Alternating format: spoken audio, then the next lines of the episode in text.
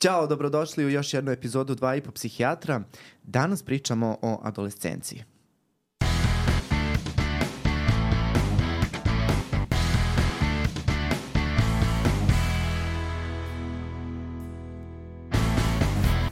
Pre nego što počnemo a, da pričamo o ovoj vrlo interesantnoj temi, a, moram da se zahvalim svima koji su se do sada pretplatili na naš Patreon nalog a, i voleo bih ovom prilikom da motivišem i druge ljude a, koji žele da podrže naš rad i žele dodatan sadržaj i epizodu pre nego što se emituje na YouTube-u i tako dalje i tako dalje. Slobodno možete se a, pretplatiti na naš Patreon. A, nama mnogo znači kako bismo mogli da nastavimo da radimo ovo što radimo. A, Dakle, da krenemo sa samom epizodom. Danas sa mnom jedna vrlo interesantna gošća. Uh, dakle, Jasminka Marković, ona je doktorka, deči adolescentni psihijatar, uh, sistemski porodični psihoterapeut. Uh, Jasminka, hvala ti mnogo što si pristala da dođeš danas da pričamo o ovoj jednoj, da rekao bih, vrlo kompleksnoj, ali interesantnoj temi. Hvala tebi, Roberto, što si me pozvao. Čast je biti ovde. E, jako mi je drago da te imam danas, a, jer baš sam onako dugo razmišljao koga bih pozvao i a, nekako s obzirom na a, tvoju a, istoriju rada sa adolescentima, mislim da si nekako super sagovornica za, za ovu temu. E sad, moje prvo pitanje za tebe bi bilo onako da krenemo od samog početka. Dakle, da napokon definišemo šta, šta je obuhvata adolescenciju. Šta je to adolescencija? Zato što imam nekako osjećaj da se ljudi u svakodnevnom govoru um, zbunjuju oko pojmova kao što su uh, pubertet, adolescencija, mlado, mlado odraslo doba i tako dalje. Ajde nam sad nekako raščlani šta bi adolescencija bila i koji je u stvari to period obuhvata.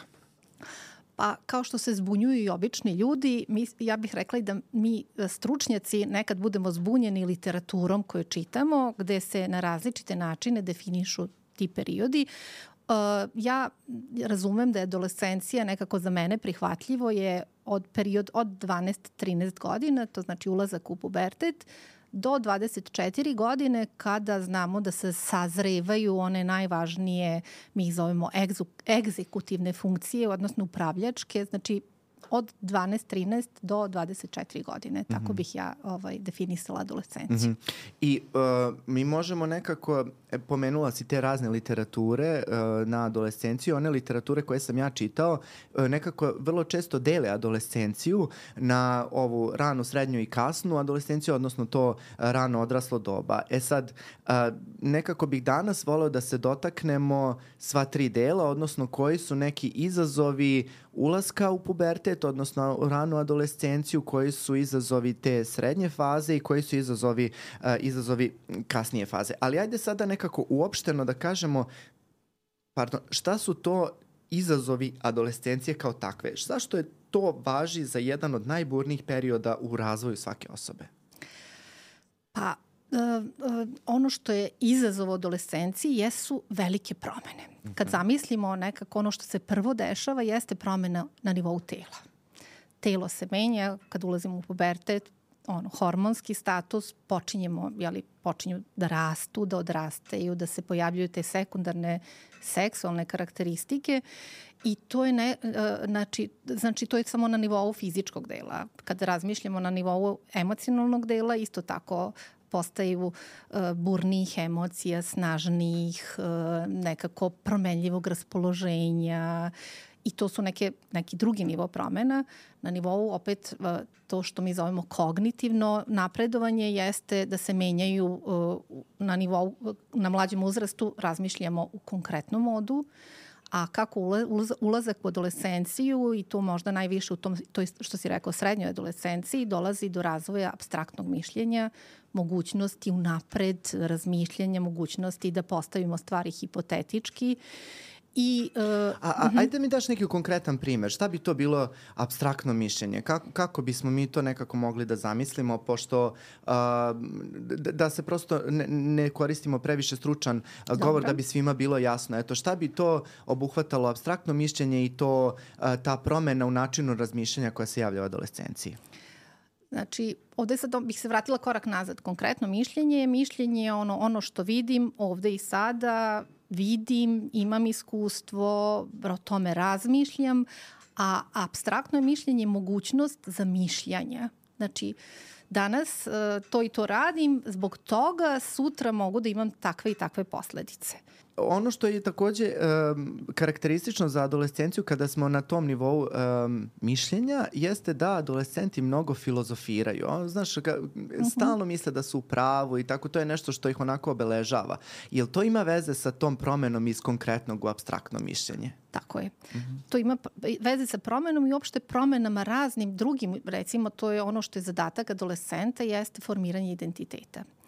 I tu je u stvari, zato su oni uh, vrlo često razmišljaju terminima crno-belo, uh, jer je to toliko kompleksan zadatak integrisati te fizičke promene, promene u, u razmi, načinu razmišljenja, nismo pomenuli socijalne promene iz tog dela gde su zavisni od roditelja i roditelji su najvažniji, dolaze do toga da su sve važniji vršnjaci i da su roditelji ostaju u pozadini i nije nam važno toliko koliko šta oni razmišljaju i često oponiraju upravo roditeljima i to je nešto što ja kad savjetujem roditelje, vi ste im sigurna baza, na vama oštre kanđe mm ovaj, i pro, isprobavaju te stvari koje u stvari njima je jako važno, njima je najvažnije to kakav status u vršnjačkoj grupi će imati.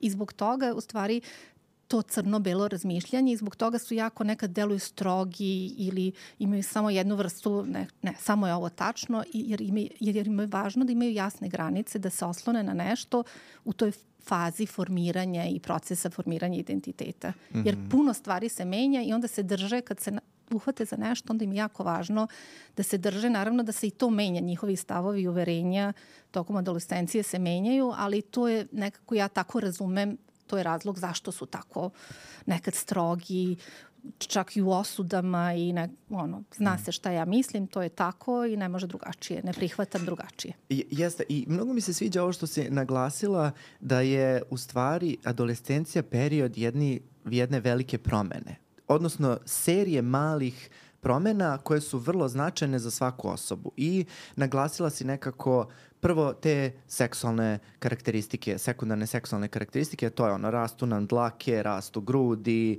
uh, rastu nam brkovi, brada i tako dalje. Uh, to je samo po sebi dovoljno stresno za jednu osobu koja se nikada ranije sa tim nije suočila.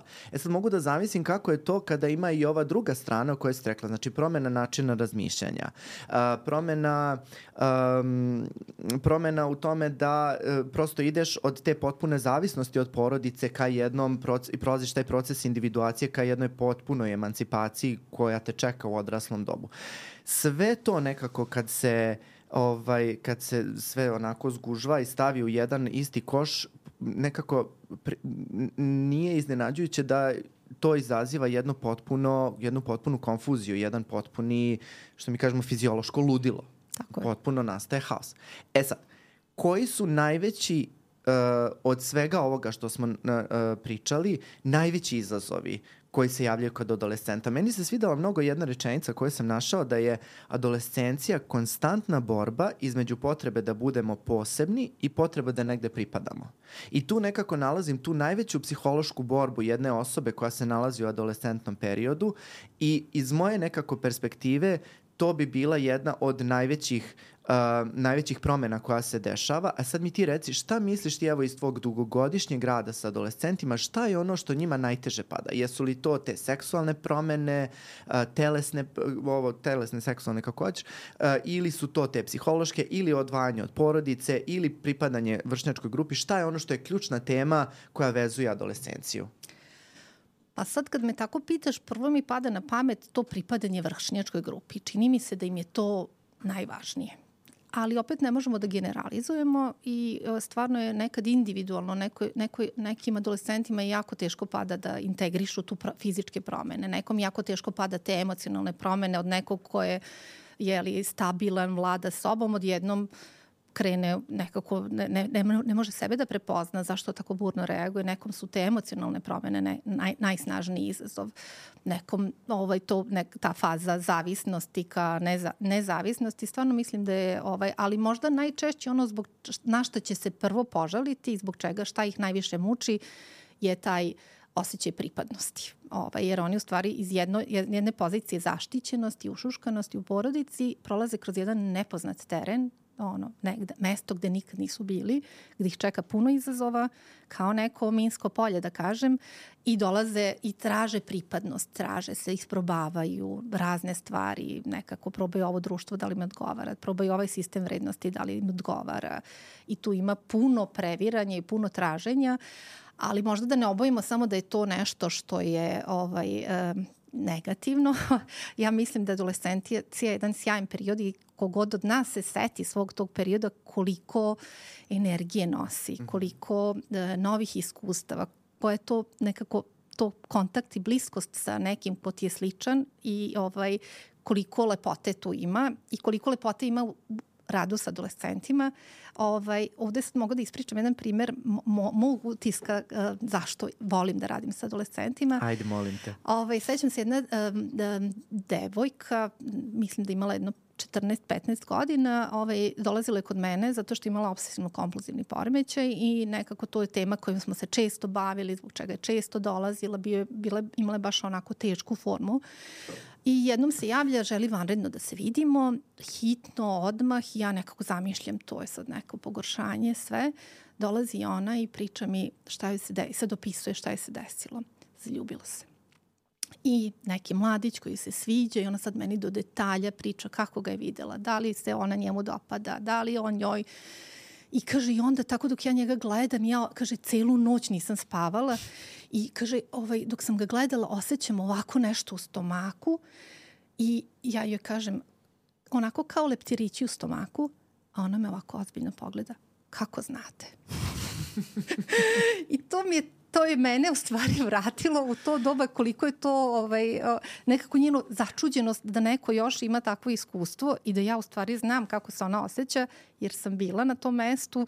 Ovaj, to, to je perspektiva adolescenata. Oni često zaborave u stvari kad pričaju sa odraslima, a u stvari mi se nekad tako i ponašamo ovaj, da zaboravimo da smo bili na tom mestu i da smo da oni nisu bili na mestu gde smo mi, a da smo mi na tom mestu bili, a nekako odrastemo, zaboravimo, a to, je, to jeste način gde možemo da se povežemo sa njima.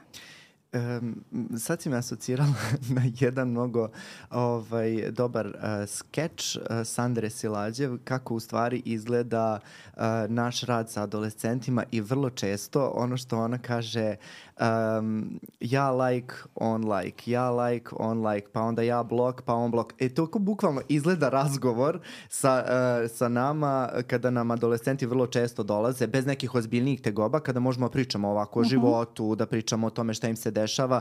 Uh, uglavnom se svodi na to. Svad, svodi se na te njihove uh, emotivne odnose, na to šta su probali, gde su se isprobali, šta su našli, kako, su, kako je to sve prošlo i tako. I mnogo je onako interesantno što ti kažeš često često nas, često nas vraća u te godine, ali uh, kako adolescenti nisu svesni da smo mi bili u tim godinama i mi vrlo često zaboravljamo kako smo razmišljali u tim godinama kada smo, kada smo se tada našli. I ono što je meni nekako karakteristično za rad sa adolescentima jeste um, vrlo velika uh, netrpeljivost prema autoritetima.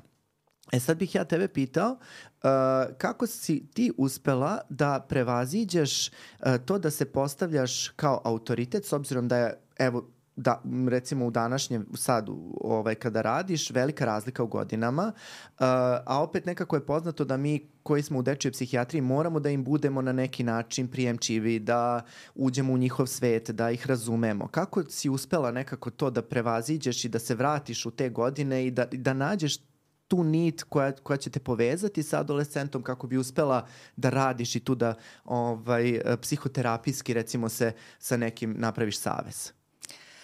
Pa to jeste, to me malo brine, moram ti priznati. Ovaj, da kako idu godine, kao kako ću ja moći sad sa toliko godina da budem sa adolescentima i nekako ja često sa mojim najbližim koleginicama pričam o tome šta ćemo, kako ćemo, ćemo moći još uvek da radimo sa adolescentima. Za sad možemo i uh, lepo nam je i uživamo da radimo sa njima i ja mogu da kažem da sam, recimo stvar koju ja njima kažem često jeste da imam sreće da radim posao koji volim i oni to mogu da razumeju. A, a na razne načine se pridružujemo i povezujemo ti si isto i sistemske, znaš, taj proces pridruživanja kao nekako najvažniji ovaj, pro, prvi, prvi susret je najvažniji cilj prvog susreta je da nam dođe još jednom sledeći Mhm. put. Tako sa adolescentima postoje puno mesta i ono što je važno dok radimo s njima jeste da pratimo šta se dešava. Da pratimo njihove interesovanja, da budemo u toku sa uh, kakve su igrice, šta, šta je popularno od filmova, uh, jer oni u stvari to, uh, pogotovo adolescenti koji imaju probleme, često roditelji gledaju na to negativno. Mm. Recimo, ako igraju igrice, ja sad imam adolescenta preko puta, sad mi pada na pamet, jedan mladić koji u stvari dolazi zato što non stop igra igrice, povukao se od društva, ne komunicira s roditeljima i roditelji ga zbog toga jako kritikuju I e, ja sam pokušala da on je došao i sve vreme je bila spuštena glava i uopšte nije pravio kontakt očima i nekako u tom kontaktu ja sam ga pitala u jednom trenutku pa je li, tad, je vre, tad, je bilo, tad je bio popularan LOL, jel, jel igraš LOL? E, I on je prvi put podigao glavu i pogledao me u oči. I ja sam srećom znala neke stvari površne o tome, ali dovoljno da napravimo kontakt, koja si liga, da li skup, kupuješ skinove i to su stvari gde se u stvari povezujemo. Da budemo, ja moram nekako, sad sam malo izgubila to, ovaj, ja sam to pratila dok su moje deca, jer sam to stalno slušala, jel?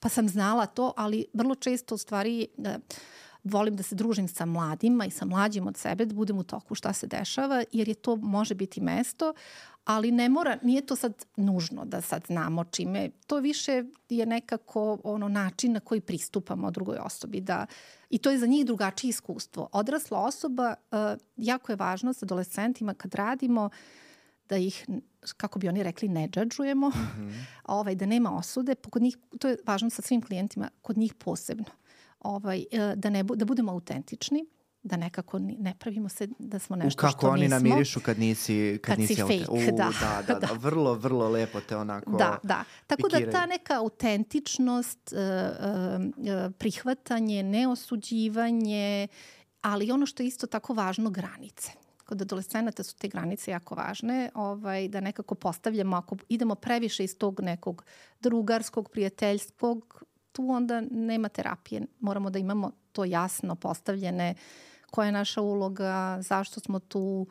I oni vrlo često, kao i sa roditeljima i sa nama, nekako navaljuju na te granice, proveravaju ih. Ja kad radim s roditeljima, kažem, to je mesto gde vi u stvari postavljate, oni vas izazivaju, to je, to je smisao tih provokacija ili, ne znam, o, o, o, otpora ili da vi ponovite, to je moja granica, to je moj sistem vrednosti. Na neki nežan način, ovaj, ali čvrst. Mm.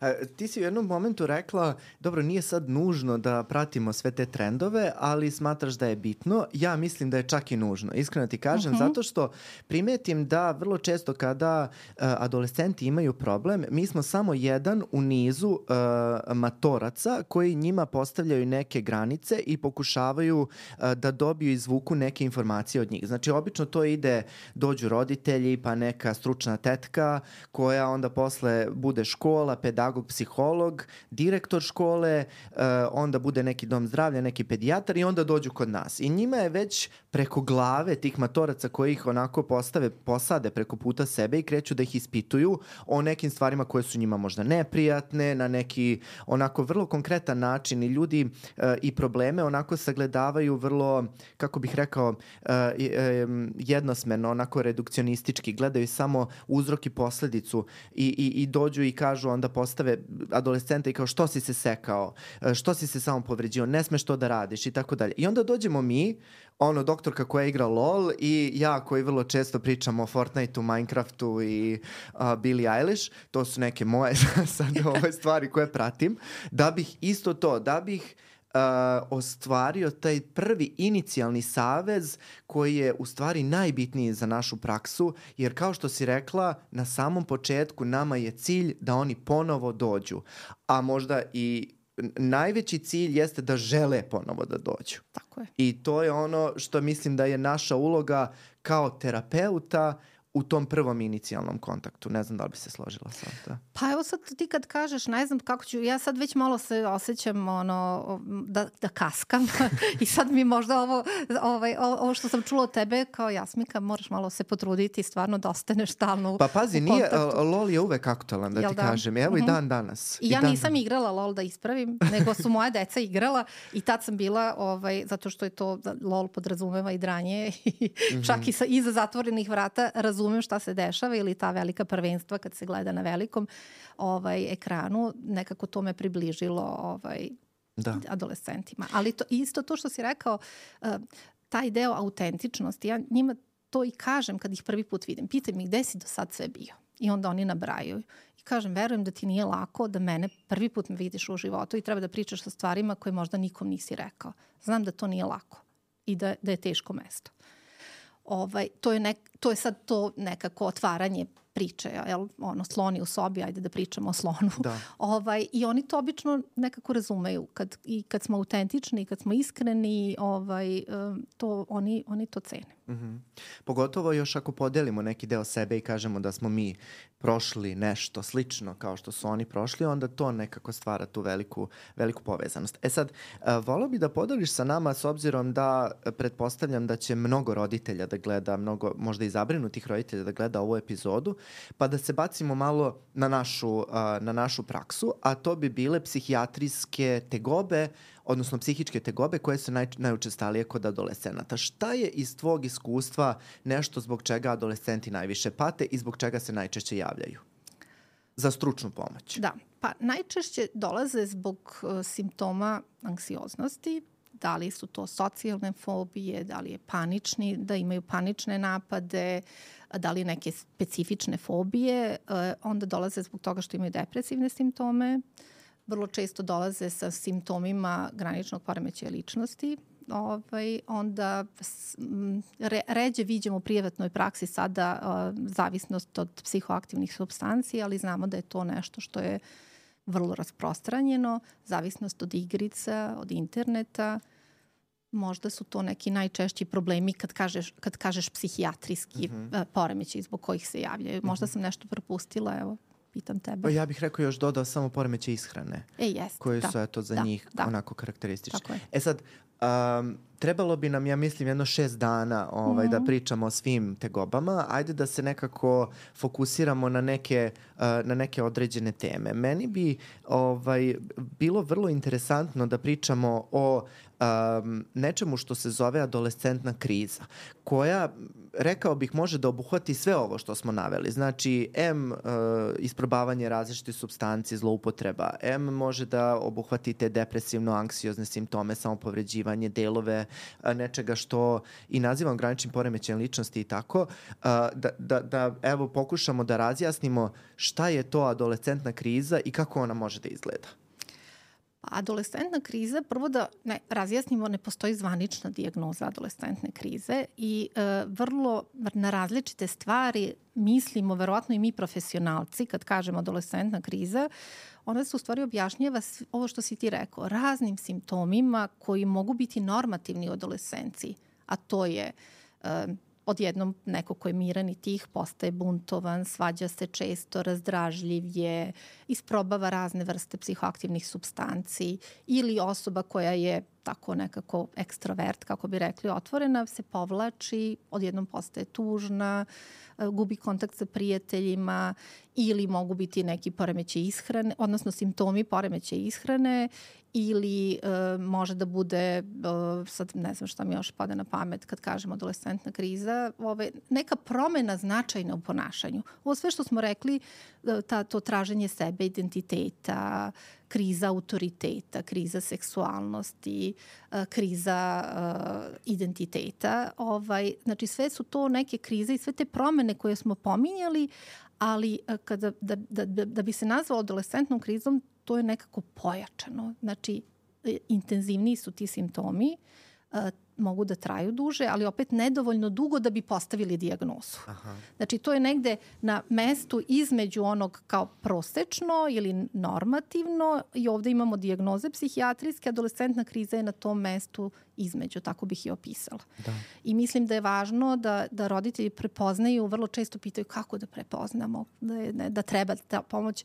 Uh, on, to, to opet ide iz odnosa. Roditelj koji poznaje svoje dete uh, vrlo će brzo primetiti da se nešto dešava i tražit će pomoć. Ja više volim, ja ohrabrujem u stvari roditelje kad osjećate nešto da se dešava, kad sumnjate, kad brinete, mislim da je bolje da se jave i da mi kažemo, nama je zadovoljstvo kad nam dođe neko, kad kažemo to nije ništa, nekako to je nešto što je samo adolescencija ili da je prolazno, ne vidimo nikakvu potrebu za daljim ovaj, uh, tretmanom, nego da dođu, nego da zakasne. Mm.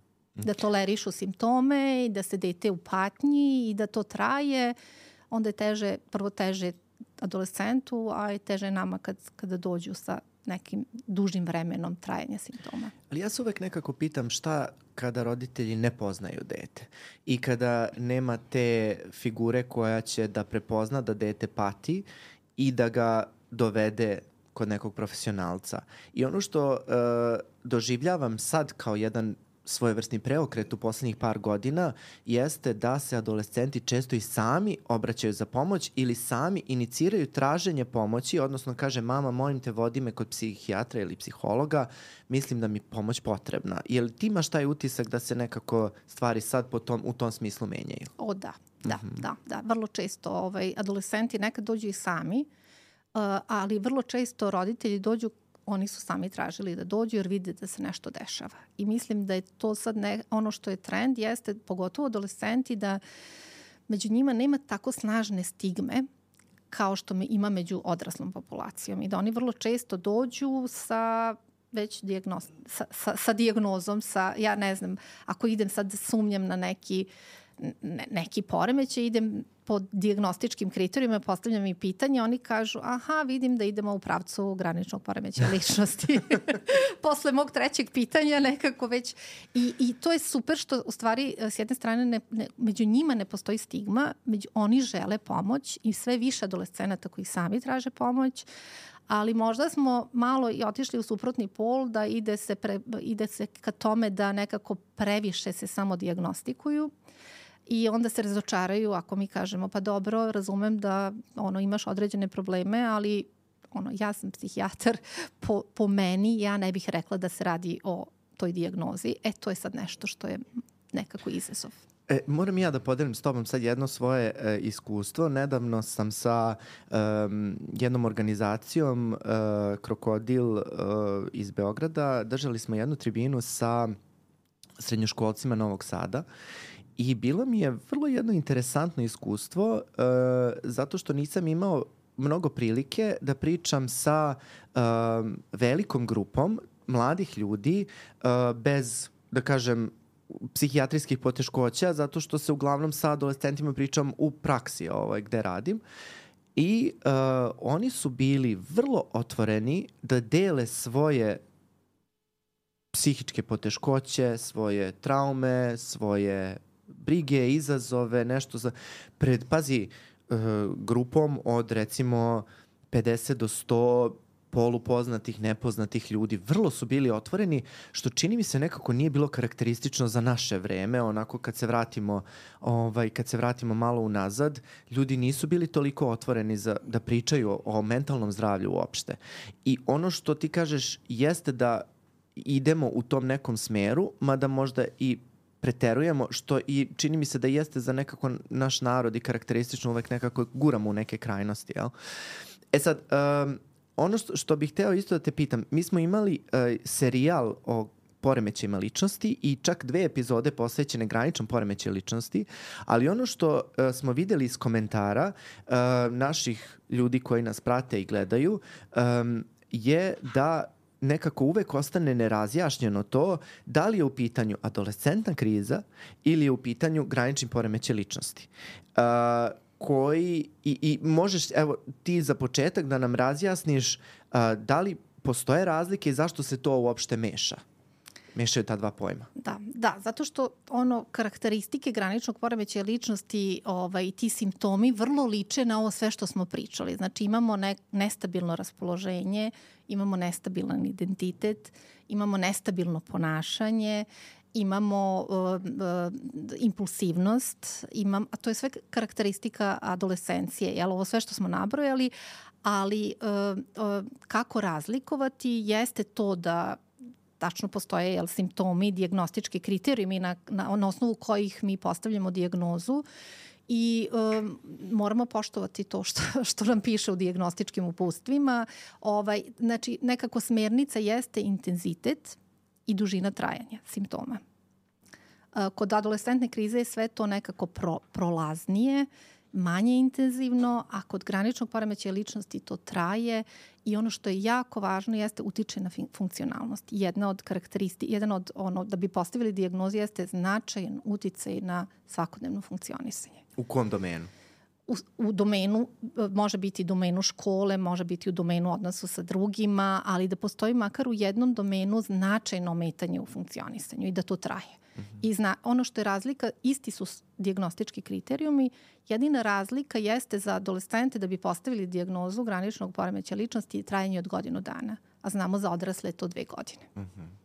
A znači ostali, kao i za sve, da kažemo, velike poremeće u psihijatriji, i depresivni poremeće, i schizofrenija, i bipolarni, simptomi su isti. Odnosno, diagnostika je ista, nema, ne, ne postoji razlika odnosu na decu, adolescente i odrasle. Za, jedino za one koji su karakteristični, ali koji se javljaju u dečijem E, ali evo da pojasnimo slušalcima, mi smo ranije postavljali dijagnoze na osnovu um, MKB, odnosno Međunarodne klasifikacije bolesti desete revizije. I sada dolazi do promena ovaj, kako Amerik, a, američke, tako i ove svetske a, klasifikacije i u stvari dolazimo više do tog nekog dimenzionalnog pristupa, to smo, o tome smo nekoliko puta pričali, znači dimenzionalni pristup a, poremećajima ličnosti, ali se uvodi i ta nova stvar, a to je da ne postoji više ta z, uh, zakucana granica od 18 godina, odnosno uh, bukvalno dan nakon što osoba napuni 18 godina, ti sad kao odjedno možeš da postaviš tu dijagnozu. E sad se ta nekako vremenska linija briše, je li tako? Tako je. Mada ta vremenska, kad gledamo pažljivo, od DSM-a 3 pa nadalje ne postoji vremenska granica za poremećaj ličnosti. Ovaj, postoji samo možda su naglasili ono značajno izraženo, teški, ozbiljni slučajevi i to je možda nešto što nas isprečavalo da postavimo diagnozu ovaj, i ranije, na ranijem uzrastu. Ono što sada znamo, istraživanje i praksa su pokazale da, da je moguće postaviti diagnozu i na ranijem uzrastu. A, jel se to dešava? Pa, redko. e, ali to je, da, mislim, volao bi evo javno da pričamo o tome uh mhm. -huh. zašto je uh, toliko teško postaviti diagnozu uh, graničnog poremeća, jer već sada imamo i pacijente, pretpostavim i ja i ti, uh mhm. -huh. koji dolaze sa zahtevom da im se postavi dijagnoza graničnog poremeća ličnosti. Ja sam imao konkretno nekoliko primera gde dođe uh, mi adolescentkinja, na primjer, i kaže ja ispunjam sve kriterijume, zašto ja ovu dijagnozu nemam? -hmm. I onda šta reći takvim, takvoj deci? Ja mogu da kažem šta sam ja rekao, ali evo, da. vola bi da čujem pa, tebe. Pa, znaš šta, ja postavljam dijagnozu i pre 18. Ja sam se ohrabrila. Da, da, da. I da. ovaj, u odnosu na to ne postoje na, nas nekako, naša klasifikacija ne postoji, ovaj, ne, ne postoji kat on 18. Više je to neka iskustvena, ono, prenošenje s kolena na koleno, da je to nešto što jedna zabluda je, ali da nije formirana ličnost i onda ne možemo da postavimo dijagnozu. Ono što znamo iz istraživanja jeste da u stvari, e, kada pričamo o graničnom poremećaju ličnosti, da, da, je, da su simptomi mnogo stabilniji u adolescenciji nego što se mislilo, a mnogo manje stabilni u odraslom dobu nego što se mislilo. Mm -hmm. I ono, jedno baš istraživanje sam skoro čitala da u stvari kad se prate deca, da ta to, simptomi ali, tokom vremena od 13. do 17. 18.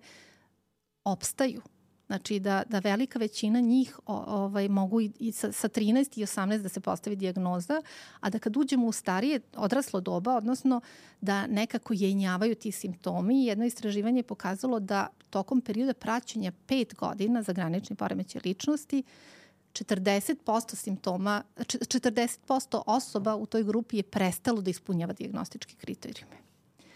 I to je priča uopšte o poremećima ličnosti. Ono, to, to isto znamo da nekako jenjava, jeli, da se te dramatične ili crte ličnosti ovaj, nekako smanjuju intenzitetu. Tako da je tu puno je sad više istraživanja koje nas podržavaju, a i ta ne, to što smo pričali ti i ja u praksi, mnogo češće srećemo adolescente koji već na ranom uzrastu, ja mogu da kažem već sa 13 godina, redko postavljam sa 13, ali sa 16 ili 17, ako ispunjavaju, ako to traje, ovaj, postavit ću diagnozu graničnog poremeća ličnosti. E, i super što si to rekla, jer mislim da treba da utičemo i na kolege i prosto na roditelje, evo možda ovim putem, da nekako prate i vide da li te teškoće stvarno dugo traju i ukoliko su nepromenljive u vremenu i prostoru, prosto treba i da pripreme sebe na to da će se u jednom trenutku možda doći do te dijagnoze poremećaja ličnosti. E sad, ono što je moje pitanje za tebe jeste šta misliš, evo onako i kao profesionalac i kao čovek, šta misliš da li je uh, rana dijagnoza prednost ili kletva nekako. Da mhm. li, da li, uh, bi mo, da li osobe koje dobiju tu ranu dijagnozu imaju nešto od toga ili si ti više za to da se čeka da dok ne budemo 100% sigurni ili šta je u stvari, uh, šta su onako uh, pros and cons, što se kaže, uh -huh. šta mhm. su nam prednosti, šta su nam mane te rane diagnostike? Pa ja, evo sad to i kad pričam, kad postavljam diagnozu, to stvarno ne, možda ja stvarno ne hvatam te malo blaže simptome, nego je stvarno moraju da budu izraženi, da traju toliko dugo da bi postavila diagnozu.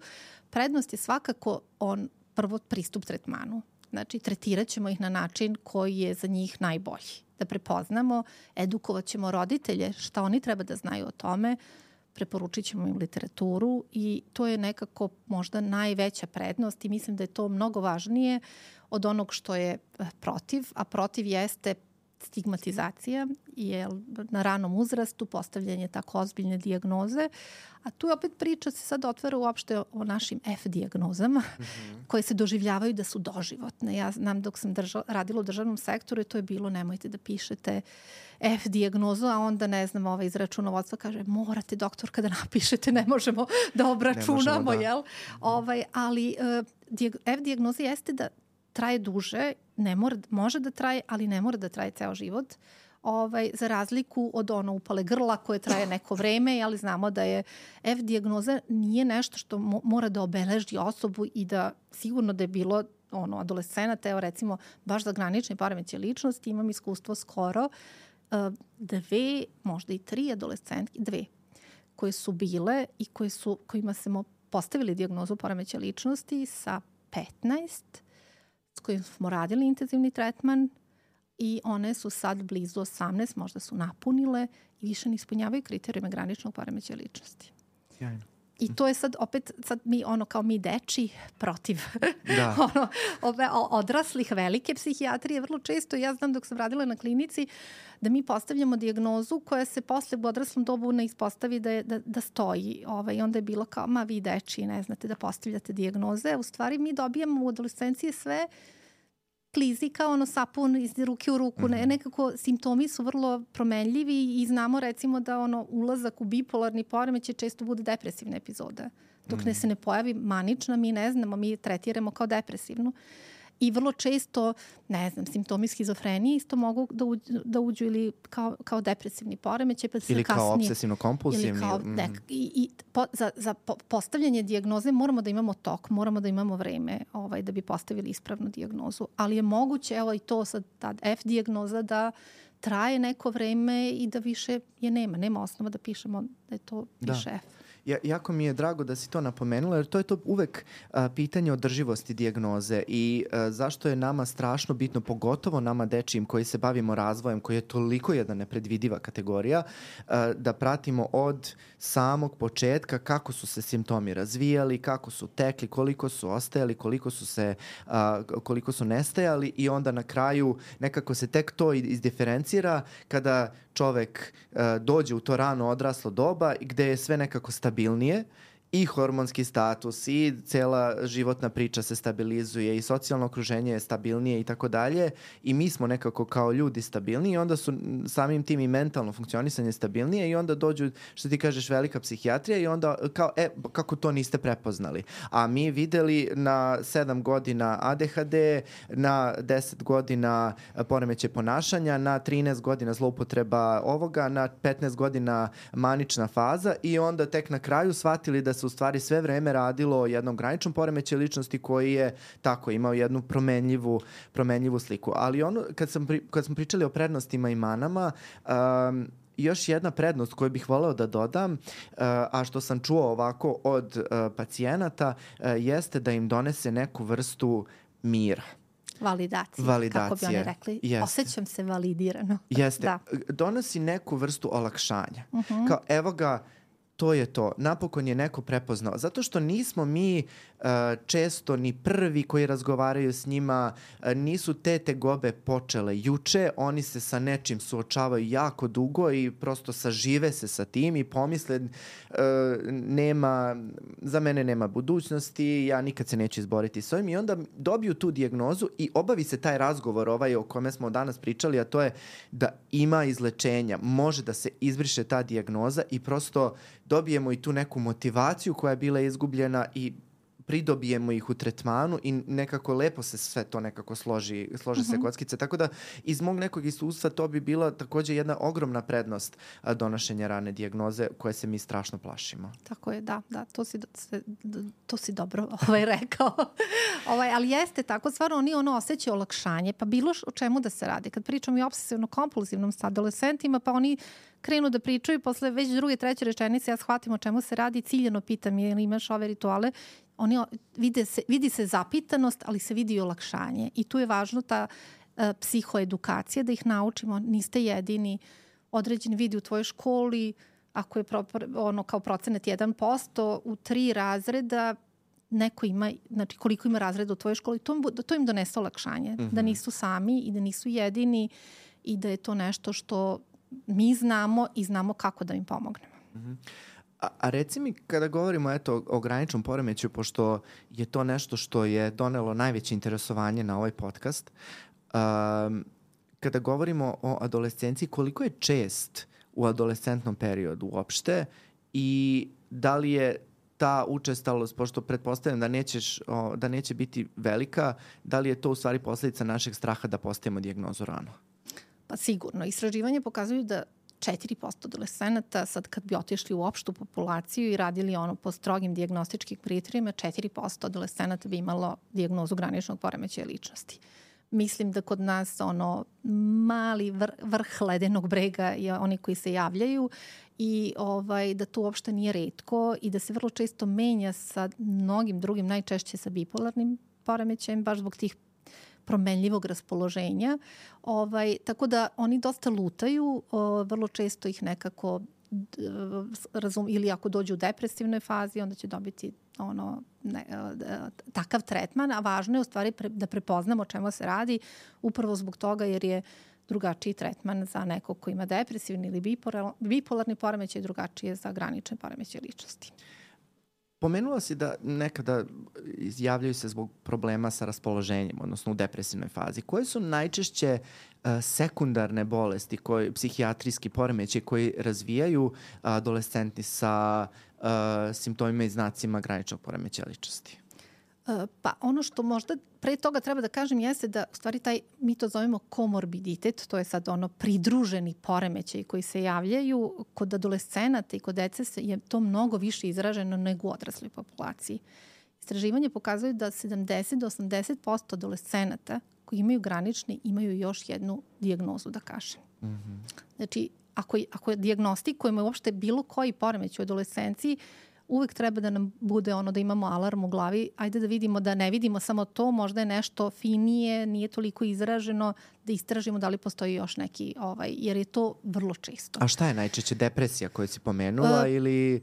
Mo, znači, od, oni mogu imati udruženo i depresivne poremeće, vrlo često imaju anksiozne poremeće, vrlo često imaju depresivne epizode, mogu da imaju bipolarni pridruženo, mogu da imaju zloupotrebu psihoaktivnih substanci, mogu da imaju da, ono što je jel, i sastavni e, deo, jedan od simptoma suicidalno ponašanje, ne suicidalno samopovređivanje, znači cela paleta, sve, sve mm -hmm. ono što, e, ali možda u mom iskustvu najviše anksiozni i depresivni poremeći se javljaju pridruženi. I kako, evo, da neko neki roditelj sad koji gleda i vidi da sa njegovim detetom nešto nije u redu, kako da zna a, kako da zna kada da se obrati, kako da zna kada da, da odvede svoje dete kod nekog profesionalca? Pa, te, Šta bi ti da, rekla da. nekom roditelju koji kaže, evo, moje dete ima, uh, konzumira alkohol možda više nego što bi trebalo, što bi značilo svi adolescenti danas, da. konzumira, ne znam, vape i uh, ima česte promene raspoloženja. Da li bi mu ti rekla da ide kod psihijatra ili ne? Pa pit, postavila bih mi još, još pitanja. Pitala bih kako funkcioniše u školi, kako funkcioniše u vršnjačkoj grupi, šta se dešava u porodici. To bi mi bio neki putokaz da kažem ovaj, da li sad samo na osnovu ova tri ne mora da znači. Trebalo bi mi to, ta, ta funkcionalnost. Super što si to rekla, hvala ti, zato što uh, imamo dve strane uh, jedne iste priče. Dakle, imamo potpuno jedne uh, hiperinvestirane roditelje koji dovode dete zbog toga što je probalo vape i popilo dva piva u izlasku, dok sa druge strane imamo neke koji apsolutno ne primećuju da im dete ima uh, čitav spektar ovih različitih simptoma o koje si pričala, i depresivne faze, i povlačenje, i uh, promene raspoloženja, i konzumaciju substanci, i tako dalje, i tako dalje. I uh, hoću da kažem, jako mi je drago da si to nekako naglasila, da ti treba više informacija, jer ne postoji jedan definitivan odgovor, a ja gde god se u medijima pojavim, to je ono što me prvo pitaju, kada da se obrate za pomoć? Jeste, a to je baš teško pitanje. Ja da. kad, kad moram da odgovaram na ta pitanja, ja uvek kažem neka promena značajna. Mm -hmm. A to znači i poznavanje. Da bi primetili promene, oni moraju da poznaju svoj de, svoju decu i da taj odnos je u stvari najvažniji u, na svim poljima, pa i odnos roditelj-dete. A šta misliš, jel roditelji razumeju svoju decu? Pa, kako kad? ja malo iz uloge roditelja i malo iz uloge profesionalca, ali ja verujem da mi svi radimo najbolje što možemo. I roditelji rade najbolje što mogu. I nekako kad razgovaramo s roditeljima tim koji ne prepoznaju, ako razgovaramo s njima i ako dobijemo njihov kontekst iz koga oni dolaze, način na koji su oni vaspitavani ili šta je ono što je njima aktualno problem, ovaj, mo, onda, onda, onda se slože kockice i možemo da ih razumemo. Ovaj, I ja stvarno imam to, to uverenje i da roditelji rade najbolje što mogu. Nekad mhm. to nije dovoljno i nekad i njima treba savetovanje i sad me to asociralo na priču kad smo to jednoj adolescentkinji koja više nema ovaj dijagnozu, ovaj, kad smo razgovarali uh, sa njom i roditeljima i to kad sam ja odvojeno razgovarala s roditeljima, upućujem ih da ja prepoznajem da je to sve zna, jako ovaj, izraženo, da zadovoljava kriterijume, pri tome ovaj, um, visoko obrazovani roditelji i tata kaže, pa ček, ček, pa to sam ja, ja sebe prepoznajem tu. I ovaj, njegova žena se okreće, da, da, i ti imaš to. Vrlo često u stvari ovaj, eh, nekako i roditelji prepoznaju simptome i kao pa sad šta fali, evo ja sam ovaj, ja sam dobro, uspešan sam. sam. Da. da, da, da, da, da, da, da. Nekako da. se to, da. Ali um, mislim da sam to pričao u jednom, u jednom podcastu kada sam uh, hteo da proverim šta adolescentni misle da li njih roditelji razumeju. I uzeo, uh, kako bih rekao, pacijente koji su imali najteže simptome za koje smatram da je možda najbitnije da ih roditelji razumeju. To su pacijenti koji su leže kod nas na kliničkom odeljenju i sprovao sam jednu onako neformalnu anketu da digne ruku onaj ko uh, misli da ih roditelji razumeju. Niko se nije javio. Niko. E, zato te pitam šta ti misliš, uh -huh. uh, da li je to u stvari priroda adolescencije, odnosno ono što, uh, što svi znaju da adolescencija uvek reći mene niko ne razume, ili stvarno autentično ih roditelji zapravo ne razumeju, odnosno uh, šta je tu starije, da li nerazumevanje roditelja u stvari dovodi do toga da neko dođe do momenta da mora da bude hospitalizovan na, psihi, na psihijatrijskom odeljenju ili je nešto drugo. Znači, to, to, um, ja uvek nekako imam osjećaj da uh, uvek može bolje od strane roditelja, jer su oni nekako uh, ta jedna stabilna figura u životu i odrasli su i prošli su kroz taj buran period i znaju kako to izgleda, ali mi se čini da jako brzo i lako zaborave i onda ono što mi sistemske ovaj uh, iz sistemskog načina razmišljanja znamo da vrlo često se isipaju neki porodični konflikti u to dete i prosto uh, uvek se zalažem za uvek nekako stanem na na, na stranu deteta. Jeste, ali sistemske znamo da ne, nekako ja sam kao početnik vrlo često otvoreno roditeljima pričalo o tome šta, šta treba da poprave ili izmene i onda ono što sam dobila u stvari je da mi više ne dovedu dete. I onda da. sam shvatila moram da menjam jer je važno u stvari da, da obuhvatim taj deo jer moram da razumem roditelje i to je sad specifičnost uopšte kad pričamo o dečoj psihijatriji. Mi imamo dete, adolescenta i moramo da radimo s roditeljima. Ne možemo da radimo samo, vrlo redko ćemo se odlučiti da radimo samo adolescenta. Nego moramo da proširimo taj okvir i moramo da radimo i s roditeljima jer je to nešto što se pokazalo kao najefikasnije ovaj, u tretmanu, psihoterapiji, savjetovanju. A na tvoje pitanje odgovor koka ili jaje, ja, ja stvarno tako razmišljam koka ili, da, da u nekim slučajevima je važniji ta komponenta, ta adolescentna, jeli, i ta kriza autoriteta i potreba da se oponira i da nikome ne razume, a u nekim slučajevima stvarno je dominantno to da roditelji nemaju kapacitet da razumeju. Mm -hmm. Tako da, da bi, ne bih to mogla da generalizujem, možda zato što sam ja starija od, od tebe i super je što ti možeš više da se pridružiš sa adolescentima i to je stvarno proces. Nekako ja kad gledam profesionalno, mnogo sam bolje mogla da razumem adolescente kad sam bila mlađa, lako sam ih ono, tačno znam. Kako sam bivala starije, mnogo sam bolje mogla, mogla sam to mesto roditelja da razumem i da u stvari treba ono integracija da budemo i za jedne i za druge tu i da imamo razumevanje i da nemamo Um, um, da ih etiketiramo ili da ih na neki način, nego da se da nađemo mesto iz koga ćemo moći da se pridružimo i roditeljima, jer je to jedini način i najbrži način da pomognemo i adolescentu. Moram da ti priznam jednu stvar, ja sam sad nekako na raskršću. Uh, mislim da podjednako dobro mogu da razumem, iako sam nisam roditelj, ali nekako sam u tim nekim godinama gde dosta prijatelja mojih dobija decu i tako, uh, i dosta mi je to sad bliska tema, i mogu da razumem i jedne i druge i ono što si sama rekla jeste da uh, postavljanje, stajanje na uh, stranu deteta i prevelika kritika roditelja u stvari dovodi toga da mi gubimo te ljude iz terapije i u stvari sekundarno njima škodimo na neki, da kažem, na neki način. Uh, Tako da sam i ja nekako morao da povučem taj svoj mladalački entuzijazam i da ne budem ono, da, da ne režim na roditelje već na prvom, na prvom pregledu, nego da onako malo spustim loptu i da kažem dobro, razumem jedno i drugo i onda da nekako krenem u taj proces, uh, proces i tretman. Tako da, je. Da. I to ja sad, ja sad sam se setila iz roditeljske pozicije, to kad su moji sinovi ulazili u adolescenciju, ja sećam stariji je krenuo na bez, bezazlene, ono, tipa šta ćeš da, šta god da kažem, uh, meni je njegov ulazak u pubertetu značila rečenica, ma nemoj. Aha. Šta god da kažem, ma nemoj. I onda sam shvatila, aha, dobro, to je to sad. I tu je sad u stvari, kad savetujemo roditelje, vrlo često i kad radimo baš ono porodično savetovanje, to me pozivamo ih, pitamo ih kakvi ste vi bili kao adolescenti, kakvi su bili vaši roditelji, šta ste radili, ovaj, nekako ih navodimo da se sete tog perioda da mogu lakše da razumeju šta se dešavalo. Mm. Jel uspevaju? Pa neki da, neki ne. Neki mm. lakše, neki, neki teže. neki teže da. da. Kad, kad bi pitala moju majku šta je obeležilo moj ulazak u pubertet, mislim da bi ti nedvosmisleno odgovorila da je to lupanje vratima. Eto, svako ima svoju inicijaciju, jel?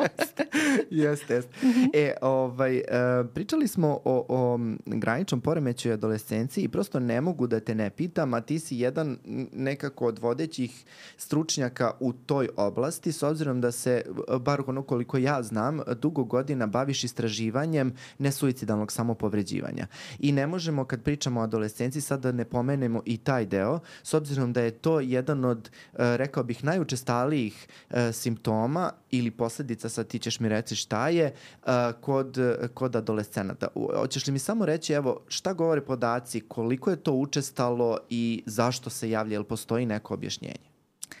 Evo, baš sam se update-ovala, juče sam držala edukaciju na tu temu i baš sam gledala te, te studije vezano za epidemiologiju i od prošle godine meta-analiza koja je analizirala 400.000 adolescenata širom sveta, našli su da je učestalost 16%.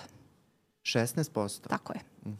Ranije istraživanja nekako zavisno je ali od te metodologije ide 18 do 25% s tim da kriterijum jeste da nekad u nekim istraživanjem jednom, ne, jednom godišnje ono što nama e, DSM kaže šta je diagnostički kriterijum, pet puta u toku poslednjih godinu dana. Neki smatraju da je to jako malo da bi se postavila diagnoza i znamo da će verovatno to biti diagnoza u budućem izdanju DSM-a, ovaj, ali e, to uopšte nije redko i to nije uh, normalni deo adolescentnog iskustva, da kažemo. Aha, to je alarm. Znači, to nije adolescentna kriza, da kažemo to što si ti pomenuo, ne znam, uzima ovo, isprobava, menja se u ponašanju. Mladi koji se samo povređuju, važno je da dobiju pod, podršku, tretman, važno je da se napravi procene. Znači, hoćeš da mi kažeš da svaki adolescent koji se samo povređuje, bitno je da se obrati stručnjaku. Tako je. Mm -hmm. To hoću da kažem. I, I jako mi je bitno to, zato što su roditelji uvek tu uh, nekako zbunjeni. Nisu sigurni da li jedno grebanje, da li jedno sečenje, uh, da li je to isto deo normativnog tog adolescentnog ili je u stvari uh, naznaka da detetu treba pomoći. I sad smo nekako, evo, drago mi je da smo da to, to nekako rešili. E sad, kako to samo povređivanje uopšte može da izgleda? Pa ono što je najčešće samopovređivanje je tako oni to zovu sekuse. Jel? Ovaj, mi jedan, jedna od stvari kako se pridružujemo adolescentima jeste da koristimo njihov rečnik da ih, kad ih dovoljno poznajemo, da koristimo reči koje oni koriste, to je način pridruživanja, kao i u porodičnoj. Što A koristimo. kako da ne budeš cringe? to je pitanje. e, da. Na, pa ako je nama to okej, okay, ne, ne, ne, ne ovaj, ovaj, ali ako oni recimo to zovu se, se, sečem se, onda ćemo mi reći dobro koliko puta od pre, prethodnog puta, koliko puta si se sekao ne ono da se pretvaramo, to smo rekli, oni ne vole, oni prepoznaju kad smo fake, mm -hmm. iako mi nismo komotni s tim. To, mhm. to je nikako. Ovaj, uh, znači, oni najčešće se seku po doručju, oštrim predmetima, znači to su najtipičnija mesta. Vrlo često, ja mislim da tu isto imamo samo vrh ledenog brega onih koji se javljaju.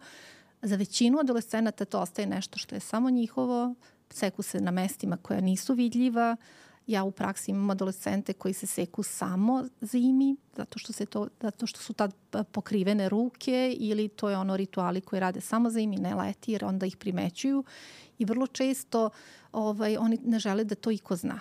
I ono što je možda e, nevidljivo takođe jeste forma samopovređivanja i kada se to rade češće mladići, da se udaraju namerno uh, o čvrste predmete pesnicom, telom, glavom i naprave povredu na koži, to je isto forma nesuicidalnog samopovređivanja pazi sad tu moraš da me zaustavljaš jer sam ja o tome bih mogla jako puno, samo mi navira ideje šta je važno da se kaže o nesuicidalnom samopovređivanju. Neću, neću te zaustavljati zato što je ovo tema o kojoj se jako malo priča. Ja sam kucao nesuicidalno samopovređivanje na srpskom jeziku, ništa nisam pronašao da, je na, na, da se na adekvatan način, da kažem, pričalo o tome. Jako mi je bitno da o ovome pričamo, možemo koliko god hoćeš, to nam ovaj podcast dozvoljava i jako mi je drago da u stvari i, i jesmo u podcastu zato što imamo svu slobodu ovog sveta da pričamo do preko sutra ako hoćemo. E sad, kada pričamo o samopovređivanju, um, nekada je to bilo,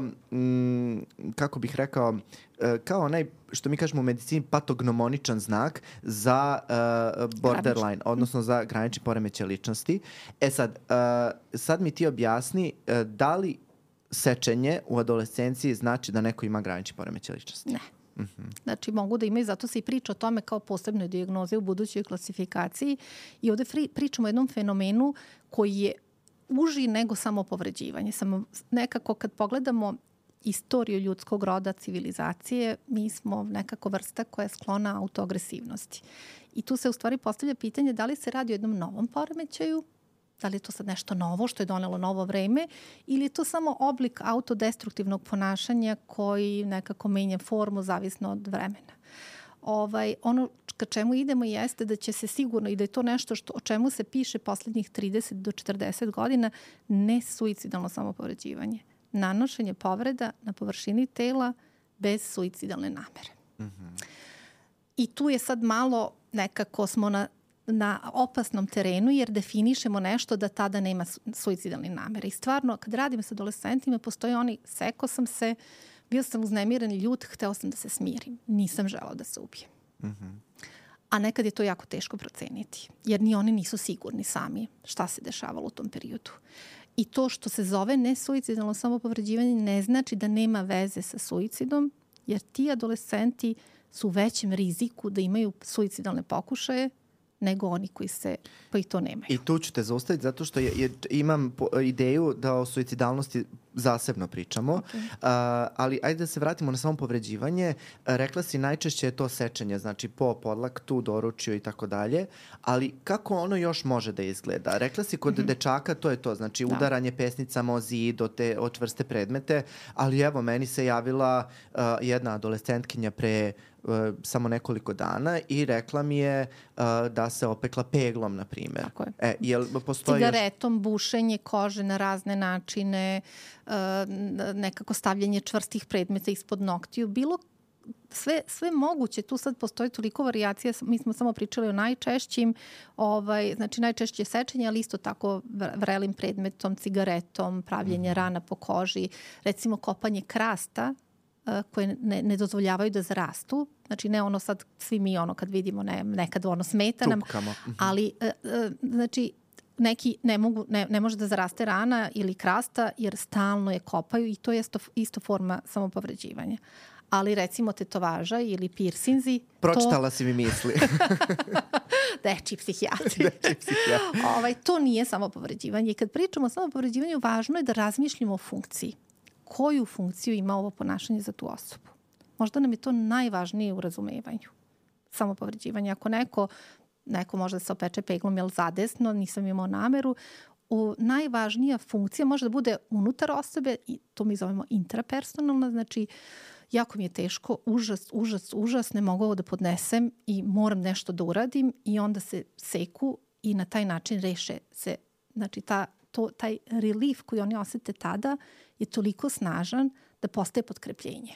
Na mhm. neki način kao neka vrsta i zavisničkog ponašanja postoje radovi jer se otpuštaju ti naši endogeni opioidi, i uh, umiruju kad se povredimo je nekako, to je sve evolutivno super, naš mozak radi odlično i ovaj, ovaj, reaguje na snažnu bol, otpuštaju se opioidi koji dovode do umirenja. Inače bi verovatno pali u nesvest ili kad bi imali snažan bol.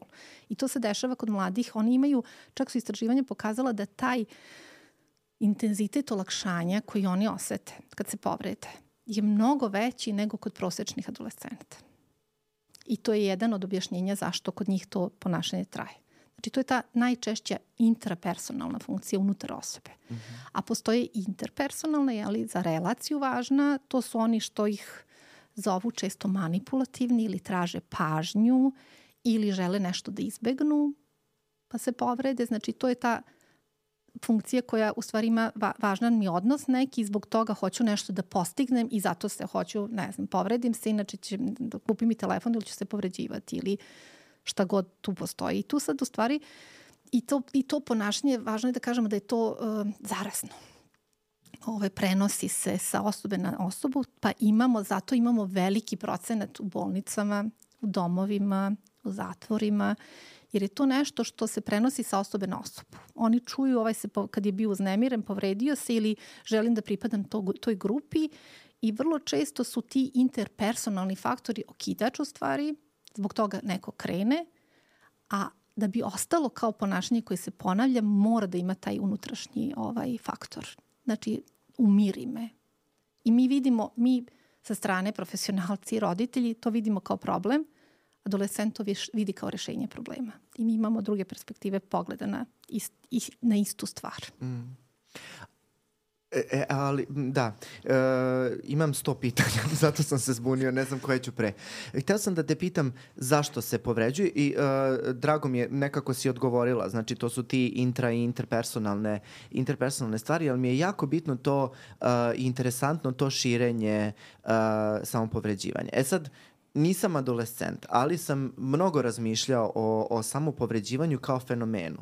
I uh, koliko god ja i slušao i gledao i znao šta se dešava osobi uh, kada se samo povređuje, uh, ne znam, nije mi, uopšte mi to nije blisko, jer mislim da kada bi, ja ne bih mogao sebi iskreno da ti kažem da probodem kožu ni onom insulinskom najtanjom iglom. Znači, toliko mi je to samopovređivanje potpuno strano uh, kako je moguće da se kod nekoga to održi, kako je, da, li, da li postoje neka istraživanja koja kažu da zapravo postoje osobe koje su sklonije samopovređivanju od drugih pa se zbog toga održava kod nekoga. Ja ne mogu da zamislim evo sebe da, da se isečem zato što mi neko ne kupi nešto ili želim, ne želim tog dana da odem na posao. A znamo da ima i odrasli koji se seku iz tog interpersonalnog koje se pričala. Da, ali to je mnogo reće. Znači, to neće ostati kao mehanizam regulacije. Znači, e, taj intrapersonalni je uvek nešto što, što će doneti težinu i trajanje. Ovi interper, oni kažu, ja sam probao, rekao mi drugarica, kaže, sup, kao seče se i onda se smiri, ja sam probao, meni ništa. I ja sam žela u stvari to ću uraditi jednu, dva put, koliko god treba puta da bi postigao neki cilj. Mm -hmm. I mislim da to ima veze sa tim ono, kakvi dođemo na ovaj svet. Ta emocionalna reaktivnost i mehanizmi kako se regulišemo. Znači, možemo mi biti emocionalno reaktivni, da imamo snažne, intenzivne emocije, ali da umemo da se, imamo druge strategije. Samo povređivanje je mala adaptivna strategija emocionalne regulacije. Mm -hmm. I tako treba i da je shvatamo. Tako je. Da. Ne treba da bude, ne, ne, ono, nekako da ne kažemo sad da promovišemo, to je super za regulaciju. Postoji mnogo, mnogo drugih strategija i to, je, to spada u maladaptivne strategije. Mm -hmm, mm -hmm. Kad kažem maladaptivne, znači loše ne treba. Ne, tako je. Da, tako okay. je. Tako je. E sad, uh, um, šta je najčešći razlog, e, mi, mi to nekako sad znamo s profesionalne strane, ali šta je najčešći razlog šta ti ovaj adolescent kaže kad ga ti pitaš dobro zašto se samo povređuješ? Koje su, koje su reakcije njihove na to pitanje?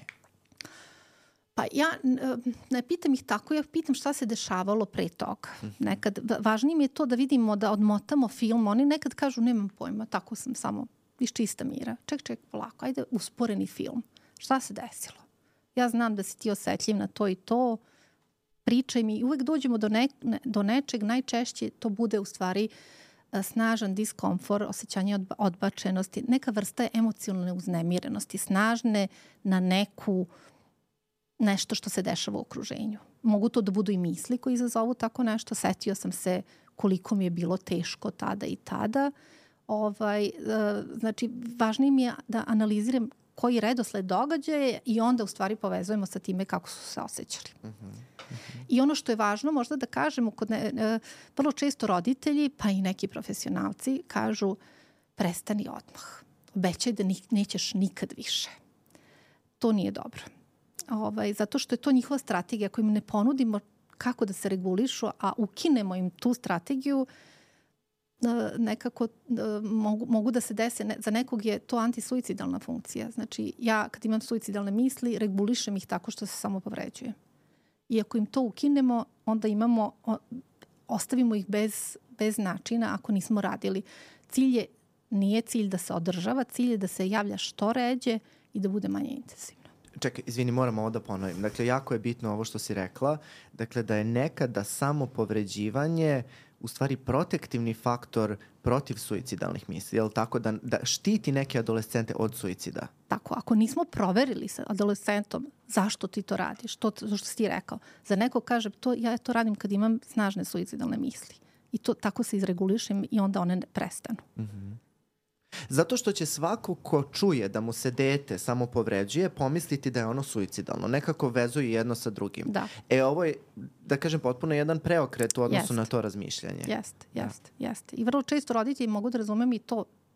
Sigurno je strašno videti da dete kome želiš sve dobro i samo sebe povređuje. To je jako provokativan provokativno ponašanje za sve nas i za nas profesionalce ovaj, je to nešto kad vidimo neko ko se povređuje, ko je A, a ono što u stvari možda priča o toku samo, ne suicidalnog samopovređivanja, to je baš ograničeno na adolescenciju.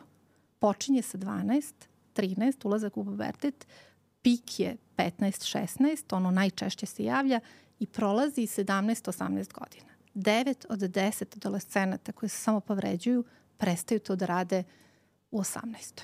19. I naravno da ostaje jedan broj adolescenata koji nastavlja to da radi u odraslo doba, ali mnogo manji broj, kažu da su procenti za odrasle od 1 do 4% onih koji ostaju da se samo povređuju. Najčešće u sklopu... Od, od ovih koji su se povređivali. Tako je, u adolescenciji. Ali to je onaj fenomen baš onako ona kriva i to je nešto što je ograničeno na adolescenciju i ima dobru prognozu, ostaju jeli, estetski ožiljci, ali isto tako ne znači da ne treba intervenisati. Kao i za uh, hiperkinetski poremećaj. -hmm. Ono, većinom je prolazan, ali oni gube puno time što se ne interveniše uh, a ovde gube puno e, jer je rizik, oni prestanu da se samo povređuju, ali su skloni nekim drugim obrazcima disfunkcionalnog ponašanja ili čak diagnozama zloupotrebe psihoaktivnih substanci, u većem su riziku da pokušaju suicid, u većem su riziku da imaju u odraslom dobu granične porebeće ličnosti. Znači, zato je važno da, iako je prolazno, važno je da se jave i potraže pomoć. Šta bi ti rekla roditelju koji otkriva danas da se njegovo dete samo povređuje? Rekli smo ne treba uh, konfrontirati sa tim ne prestani odmah, nećeš to više nikad ponoviti i tako dalje i rekli smo da treba odmah da se jave što se vrlo često ne dešava, nego nekako to se prikriva i porodično i tako dalje. E, šta bi eto tvoj, tvoj neki savet bio kada ovaj, roditelji saznaju za tako nešto ili im se dete poveri mhm. -huh. ili vide ožiljke, kako da odreaguju u tom prvom navratu?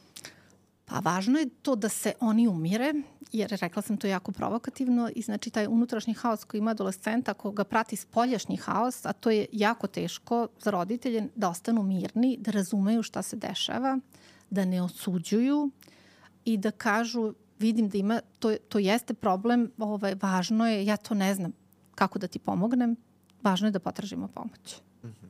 Meni treba pomoć kako sa tim i kako ja tebi da pomognem možda bi to bio jedan od načina na koji bi ja savjetovala da, roditelja. To, to je jako dobro, jako dobro, ovaj, do, dobar savjet, ja bih rekao. A e, nekada nam dolaze i deca iz škola e, uh mhm. -huh. gde su, ne znam, nastavnici ili vršnjaci primetili, gde roditelji uopšte nemaju pojma i često mi smo ti koji moramo da saopštimo ili kod nas se to dešava, to saopštavanje i otkrivanje samopovređivanja i hoću da kažem da nekada i pred nama vidimo taj inicijalni šok roditelja gde oni upravo tako, ja mogu da kažem iz mog nekog iskustva 90% slučajeva roditelja to kaže ne, molim šta, ogroman šok i to mogu da razumem, u potpunosti mogu da razumem, ali treba nekako i oni da shvate da je to vrlo pogrešno jer stvaraju ogromnu konfuziju kod već vrlo konfuznog adolescenta. Da, jer oni u stvari prolaze kroz proces tugovanja to šok, poricanje, neverica, pa onda nekako sve one faze, da smo, jer je to u stvari e, gubitak uverenja da je njihovo dete dobro. Ovaj, I sa tim nekako moraju ili da prihvate da dete ima potrebu da traži pomoć ili ima neku vrstu psihološke tegobe. I ono što vrlo često mi kao profesionalci vidimo to bec, ljutnja, neverica, šok, a iza toga vrlo često je krivica. Znači, većina roditelja, ja mislim pogotovo kada su u pitanju mentalni poremećaj, u stvari kad, kad dublje uđemo jeste osjećaj krivice. Da imaju u stvari šta sam pogrešio, šta sam pogrešno uradio, mm -hmm. jesam ja odgovoran, jesam ovo... Da, da, da li sad na svesnom ili nesvesnom nivou, ali ja u mojoj praksi nekako često mislim da roditelji u stvari sebe prispituju ovaj, i osjećaju krivicu i kad smo već kod krivice, asocirala si me na jednu stvar i sad volao bih tebe, eto, kao neko ko se baš dosta bavi temom samopovređivanja, da, da pitam da li je to neko moje razmišljanje ispravno. Dakle, uh, to je jedna kategorija uh, dece, odnosno tineđera koji se samo povređuju uh, u svrhu samoregulacije i to smo nekako, to nam je svima jasno, ili u svrhu pridobijanja pa, pažnje ovih interpersonalnih koje smo rekli. Međutim, kao da se tu negde izdvaja jedna treća kategorija koju sam uh, u praksi mogao da primetim, a to su uh, osobe koje su preživele neko ozbiljno zlostavljanje, recimo mm -hmm. seksualno zlostavljanje. I uh, kada pričamo o krivici, kod njih je to nekako dominantan, uh, dominantan osjećaj, taj sram i krivica mm -hmm. i oni se uh, često povređuju kao posledica tog preplavljujućeg osjećaja srama i krivice zašto nisu postupili po nekom i onda kao da se kažnjavaju. O, o, mhm. to ni, ne ide mi u ovu kategoriju samo regulacije, nego više samo kažnjavanja i osjećaja da zas, zaslužuju neku vrstu kazne. Jel imaš i ti takva iskustva? Jeste, da, vrlo često to, pogotovo nismo pričali sa to je široka tema, ta neka ne, ne, nepovoljni životni događaj su vrlo često, ali ja bih opet to svela pod intenzivne emocije. Mm -hmm. Jeste intenzivna emocija i krivice i ovaj kažnjavanje, ali to su jake intenzivne emocije i ja želim da ih regulišem i da ih svedem nekako i to je dobar meha, jako mehanizam koji radi za njih. I zato je to nešto što kažemo što je potkrepljujuće osta, ostaje, i zašto se nastavlja ovaj, sa, sa samopovređivanjem. A zašto prestaje? Uh, pa, Jel zato što smo mi super terapeuti ili zbog nečeg drugog? Pa često to opstaje, znači prestaje zato što je povezano sa adolescencijom, to smo rekli. Znači i prestaje zato što sazrevamo i sazrevaju taj, uh, ono što je u stvari problem u adolescenciji jeste što taj deo koji je vezan za emocije i razvoj emocija, koji mi zovemo limbički sistem, on je u fullu spreman s 15. A ovaj deo koji treba da upravlja sa svim tim što nam se dešava, taj kako ja sad uvek pokazujem, prefrontalni tu na čelo, prefrontalni korteks ra, uh, sazreva sa 24. Imamo taj prostor između, znači nije problem što jedan sazreva, znači problem je taj, taj uh, to neuvremenjenost sazrevanja, znači i uh, tako i opisuju razni autori, zato i prestaje u adolescenciji, ono kao na izlazu iz adolescencije prestaje, A kada radimo sa njima, ovaj, ja mislim, ja verujem da prestaje zato što um, terapije koje radimo su efikasne i uspešne i učimo ih raznim tehnikama kako da se regulišu na neki drugačiji način. Odnosno kako da im pomognemo da dođu do tog sazrevanja brže i bezbednije, tako je, li tako? Tako je, Eto. tako je. E sad, uh, moramo da se dotaknemo i malo šire te teme suicidalnosti koj, za koju znamo da je kao i samo povređivanje uh, česta jedna pojava u adolescenciji, ako ne pokušaj uh, suicida koji su vrlo jedna dramatična stvar za celu porodicu i celu okolinu osobe koja je to uradila, to su ta neka razmišljanja. Razmišljanja o smislu života, razmišljanja kako više nije vredno ništa, razmišljanje, to su nešto što mi zovemo te suicidne misli, odnosno crne misli kako se ovaj često opisuju i nešto što je jako, jako često adolescenciji. Ja ne znam da li uopšte ima adolescent koji ne razmišlja u nekom trenutku o smislu života, jer smo na samom početku rekli to je ta promena abstraktno. u načinu, abstraktno, promena u načinu razmišljanja, odnosno razmišljanje o razmišljanju. Mhm. -huh. I onda uh, mi ti reci koliko to treba da zabrine roditelji i koliko uopšte često da uh, adolescenti razmišljaju na taj način. Pa ako raz, to postoji ono kao pasivna, aktivna suicidalna ideacija. Pasivna je, neki razmišljaju, um, re, re, to i nije suicidalno, razmišljanje o smislu života, kako bi izgledalo da mene nema, ko bi mi došao na sahranu, ko bi tugovao za mnom. To je nešto što ne treba da brine. Uh mhm. -huh. ako, ako razmišljaju to, uh, želim da su, on, kako bi bilo, uh, to bi im donelo olakšanje, želim da me nema, razmišljam o tome kako bih to uradio, to je ono što treba da brine. Mm -hmm. I nije isto i mi kao profesionalci jednako ne brinemo za osobu koja se to javi jednom u tri meseca i za osobu koja se javlja svaki dan. Ja ih pitam koliko posto vremena dok si budan i dok si svestan razmišljaš o tome. Ako mi kaže svaki dan razmišljam o tome, više od po 10% vremena, znači meni gore sve lampice i alarmi se pale. Nekako je važan i taj intenzitet. Ovaj, pogotovo ta priča o tome da to na, o tome stalno često razmišljaju, razmišljaju o načinu, ovaj, to je ono što treba da zabrine. Uh -huh. I koje su to najčešće misli? Uh, da li je to razmišljanje uh, na taj način kao o namerama, razmišljanje o načinima kako da se da oduzmu sebi život ili je ili nekako drugačije. Kako to izgleda u njihovoj glavi? Kad ih pitamo kakve su to misli? Ja, ja nekako uvek insistiram da mi oni svojim uh mhm, -huh, rečima uh mhm. -huh. kažu kako to izgleda. I um, moram da kažem, eto zašto, zašto u stvari to pitam? Zato što dolazim, uh, dolazim i porodice koje dovode decu sa suicidnim mislima i onda mi oni kažu kad ja pitam pa dobro kako izgledaju te suicidne misli, to je ovo što si ti rekla. Uh, uh, razmišljaju o tome kao pa dobro, kao ko bi mi došao na sahranu, kao, ali nekako i roditeljima i to pali lampice, jer kao zašto bi moje dete uopšte razmišljalo o tako nekim crnim stvarima. Uh -huh, A to je kako uh -huh kako da ti kažem, ja, ja, meni to prirodno u adolescenciji da svaki adolescent razmišlja o tako nekim ono, visoko, to, je, to jeste neko filozofsko promatranje života i smrti i tako dalje i neko istraživanje i u tom smislu. E sad, kako izgledaju misli o koje bi trebalo da nas zabrinu? Pa, misli koje bi trebalo bolje da me nema. Aha. Uh, ja se, vrlo često kaže, ja se osjećam da sam suvišna, višak sam osjećam da zauzimam prostor koji mi ne pripada. Recimo. Ja moram da ti citiram jednu rečenicu jedne uh, devojčice koja je to savršeno opisala kada sam je isto to pitao. Ona kaže, osjećam da sam mnogo velika i teška. Mm -hmm. I to je baš taj osjećaj za uzimanje prostora. Da, da, da. Vrlo često tako opisuju. Opisuju o tome da e, ja, ja imam toliko problema i toliko se loše osjećam da ja to vidim kao jedini način. I to je ta ona tunelska vizija u suicidologiji. Znači, sve, sve, znači cela realnost, ne znam, ja sad bi mogla da usmerim samo na to crnu rolku koju ti nosiš i oni, i oni ne vide drugo rešenje, oni vide da je to jedini način i jedini izlaz. A, to je naravno negde vrlo zabrinjavajuće, ali dovoljno da pričaju o tome, da ih to preokupira, da želim da umrem, ja ne mislim da ima smisla život. Obično je to neka povezano sa velikom mukom, velikom uh, E, teskobom, raznim neprijatnim osjećanjima, raznim osjećaj pritiska, ne mogu više ovako.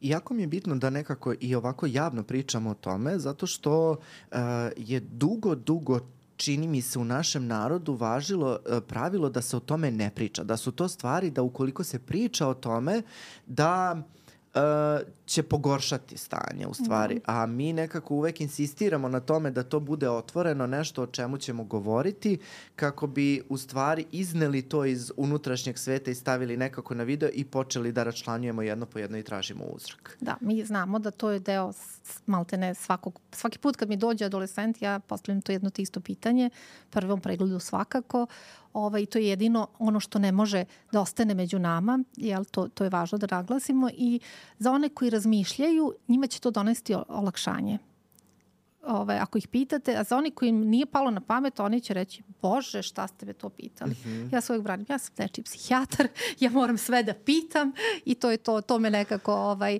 ali je, za nas profesionalce to je ne, ono pitanje. I sad, o, o, sad ću malo skočiti iz teme, mm -hmm, da, pasivna suicidalna ideacija je isto nešto što može da zabrinjava, a to je, neću da se ubijem, ali ne bi mi smetalo kad bi me auto udario i namerno zato, zato idem na crveno ili, uh, znači i to je nešto što treba da za, zabrine. Mm -hmm. Ili nekako bih volela da, da nestanem ili da se nešto desi i čak i neka sklonost takvom vrsti rizičnog ponašanja. Ne, ne želim da dignem ruku na sebe, ali kad bi mi se nešto desilo i kad mi je nekako neka nesreća se desila, o tome mislim veći deo dana ili svaki dan, to je nešto i to što treba da brine ti kao, kao da ti vodiš ovaj podcast, uvek si korak ispred mene.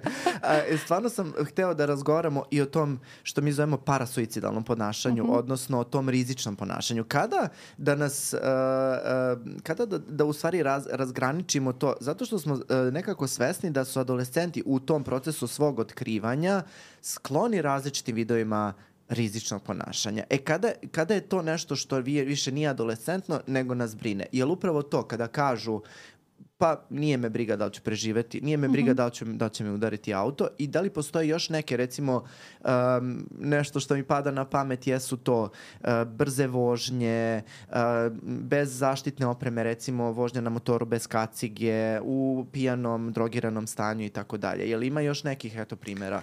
Rizično seksualno ponašanje, mm. znači seksualni kontakti bez zaštite, uh, učestali, to isto može da bude ovaj, neka vrsta rizičnog ponašanja koje bi mogli da nazovemo parasuicidalnim jer mo može dovesti ali do smrti. Sve, sad ne znam šta mi još pada na e, pamet. E, meni pada na pamet mm -hmm. jedna stvar koju smo od naše drage koleginice Darije uh, ovaj, sam čuo još za vreme pandemije je bilo ono parasuicidalno ponašanje u smislu namernog nenošenja zaštite zaštitne opreme i izlaganje virusu. I mm -hmm. to je mhm. nešto što je za mene bilo onako novost i vrlo interesantan, e, da. ovaj, interesantan fenomen. Da, da, da, da, da.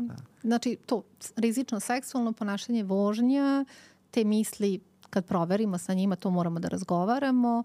Um, ne mogu da se setim. Nekad, nekad recimo ulaženje u tuče Mm. Mladići će to često namerno provociranje i, i ulaženje u neke opasne tuče gde će biti povređeni ili postoji rizik nekako da se stalno love ta mesta ili ovaj, te prilike da se izlože tome, ne zato što su zainteresovani autentično za ili nešto, neka, neka, nego baš iz toga da budu povređeni. Ja sam imao primjer jednog mladića koji je uh, često išao na uh, severnu tribinu na Marakani provokativno obučen jer je tražio mm -hmm. upravo to, da mhm. bude mm -hmm. uh, izlagan nasilju konstantnom, jer kao da je, i to je eto jedan od tih primera mm -hmm, kako, mm -hmm, kako mm -hmm. može ovaj, to, to parasuicidalno ponašanje, ponašanje da izgleda. E sad, nekako smo pred kraj uh, ovog prvog dela. Posle u drugom delu u Patreonu ćemo pričati o psihoterapijskim tehnikama. Uh, voleo bih i da kažem uh, našim slušalcima da osim što si sistemski porodični terapeut imaš i neke druge psihoterapijske edukacije, pa mi samo reci nešto o tome. Da, ja sam gestalt savjetnik i to mi često za me hvala ti na prilici. ovaj, moja gestalt ekipa za me uvek kažeš da si porodični terapeut, gestalt savjetnik i sad sam pri kraju edukacije iz DBT-a. Da, a ed mi samo nešto malo reci o DBT-u, to ćemo više o Patreonu, ali uh, s obzirom da nemam prilike da pričam sa nekim ko se bavi dijalektičko-behavioralnom terapijom, a dosta smo je pominjali u ovom serijalu o poremećajima ličnosti, mislim da bi bilo eto uh, dragoceno za ljude koje zanima taj pravac bilo u smislu edukacije, bilo u smislu tretmana, da, da čuju eto iz ugla nekoga ko se zapravo time bavi. Ovako, uh, edu, uh, informacije uh, DBT centar postoji, tako ukucate u pretraživač i uh, iskočit će vam DBT centar. Za sad je devet kolega i koleginica koji su završili tu edukaciju i nas u ovoj sad grupi ima šest. Mm -hmm.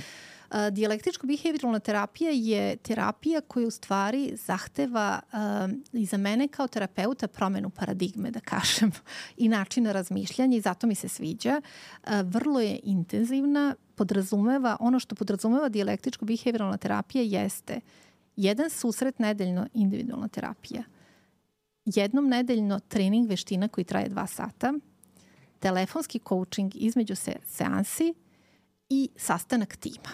Mm -hmm. I da to traje po preporu najmanje šest meseci, a po preporuci marše godinu dana. Mm -hmm. Jel možda zamisliš Ne mogu. ne mogu ni da zamislim.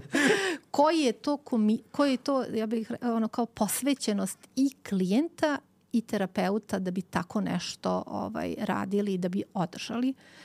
Ali evo recimo eh, iz našeg iskustva mi smo radili eh, sa eh, šest adolescentkinje koje su imali probleme emocionalne regulacije. Za mene je bilo pravo iznenađenje. Šest meseci četvrtkom od 5 do 7 malo gotovo sve su dolazile redovno ovaj, i šest meseci. A je li ima to do toga što je DBT poznata terapija koju je, uh, kako da kažem, započela osoba koja je imala granični poremećaj ličnosti? Da, sigurno da ima. Znači, mm. Marša je jedna, jedna jedina i ona stvarno ima harizmu i oni često to što smo rekli, mladi dođu sa dijagnozom ili googlaju i oni vrlo često traže, ako postavimo kao, dobro, jel se vi bavite DBT-em, jer znaju da je to nešto što je efikasna terapija, ali bi ja na ovom mestu nije DBT jedina terapija. Ovaj, nekako da se ne obeshrabre oni koji rade sa graničnim, ovaj, postoje brojne, mislim da ti neki, on, ono što znamo o psihoterapiji je kontakt mm. i da je ve, ve, većina onog efekta pozitivnog kontakt, ovaj, jeste, ona je najbolje ono, da, da, Specijalizovana za taj vid. Tako je, specijalizovana i evidence-based, uh mhm. -huh. kako se to kaže, naučno zasnovana. Uh mhm. -huh. ovaj, ona je tu nekako najbolja i još neke druge terapije, ali uh, postoje i druge, drugi smerovi i druge terapije. Mislim da iz kog, kog, kog god smo pravca, možemo da radimo terapiju sa graničnim poremećem ličnosti i da budemo efikasni. Jeste, pričali smo o, sa Tijano Miroviću o šema terapiji, mhm. nekoliko uh -huh. puta smo pričali o sistemskoj porodičnoj, nekoliko puta uh -huh. smo mhm. pričali o psihoanalitičkoj, tako da, evo, uh, pokrivamo sve teme i jedva čekam da mi ispričaš u Patreonu kako to u stvari sve u praksi izgleda. Uh, moram da te pitam, eto, uh, svakog nekako gosta na kraju epizode pitam uh, da li ima neke preporuke u smislu literature, vezano za adolescenciju, za granični poremeć poremećaj, za nešto o, o čemu smo danas pričali ili ovaj, ako ih više zanima da mogu da se informišu nekom, uh, u nekom recimo filmu dobrom da odgledaju, nekom dokumentarcu i tako. A pre nego što kažeš da ću ti malo vremena da razmisliš uh mhm. -huh. jer te apsolutno nisam pripremio za ovo pitanje. Uh, ja sam ovaj, kad, kada sam uh, nekako dobio ideju da pričam uopšte o adolescenciji, jedna od knjiga koju, koja je meni dosta značila u edukaciji jeste ovaj, naš, um, kako bih rekao, spisak radova, ne spisak radova, nego jedna kolekcija radova koja je prikazana na našem kongresu ovaj, dečjih psihijatara koje organizuje DEAPS društvo i koje je priredio ovaj, naš dragi profesor Vojislav Ćurčić koji se uh, fenomenalno izove. Ja bih mu vrlo rado i ukrao taj na, ovaj, naziv za ovu epizodu, a to je Adolescencija, šansa, romansa i psihopatologija. Mhm. Uh -huh. To je izdanje Derete, ja, ja ne znam da li to ima sada u slobodnoj prodaji, ali sam eto ovaj, uh, mnogo, mnogo naučio iz te knjige. Između ostalog, tu je jedan tekst koji si ti radila sa ovaj, uh, tvojom koleginicom Jelenom Srdanović-Maraš, koju isto planiram da bude ovaj, jedna od gošći naših, naših podcasta. To bi eto bilo, ukoliko može da se nađe u prodaji ovaj, jedna od mojih preporuka, a kada smo kod popularne kulture, mnogo volim da gledam filmove, pogotovo sa tom adolescentnom ovaj, pričom i moram da kažem da je jedan od filmova koji nekako najbolje prikazuje kako adolescencija izgleda u potpunosti, to je Breakfast Club. Uh, znači, jedan jako dobar film koji onako prikazuje uh, živote adolescenata i uh, kako u stvari izgleda ta jedna neprekidna borba između uh, toga da budu strašno autentični i sa druge strane da se uklope u grupu. I što je u stvari i nekako najveći, najveći zadatak adolescencije i zašto se u stvari stvara ta cela adolescentna konfuzija. E sad mi ti reci, nakon ovog mog monologa, da li imaš još neki predlog za naše slušalce?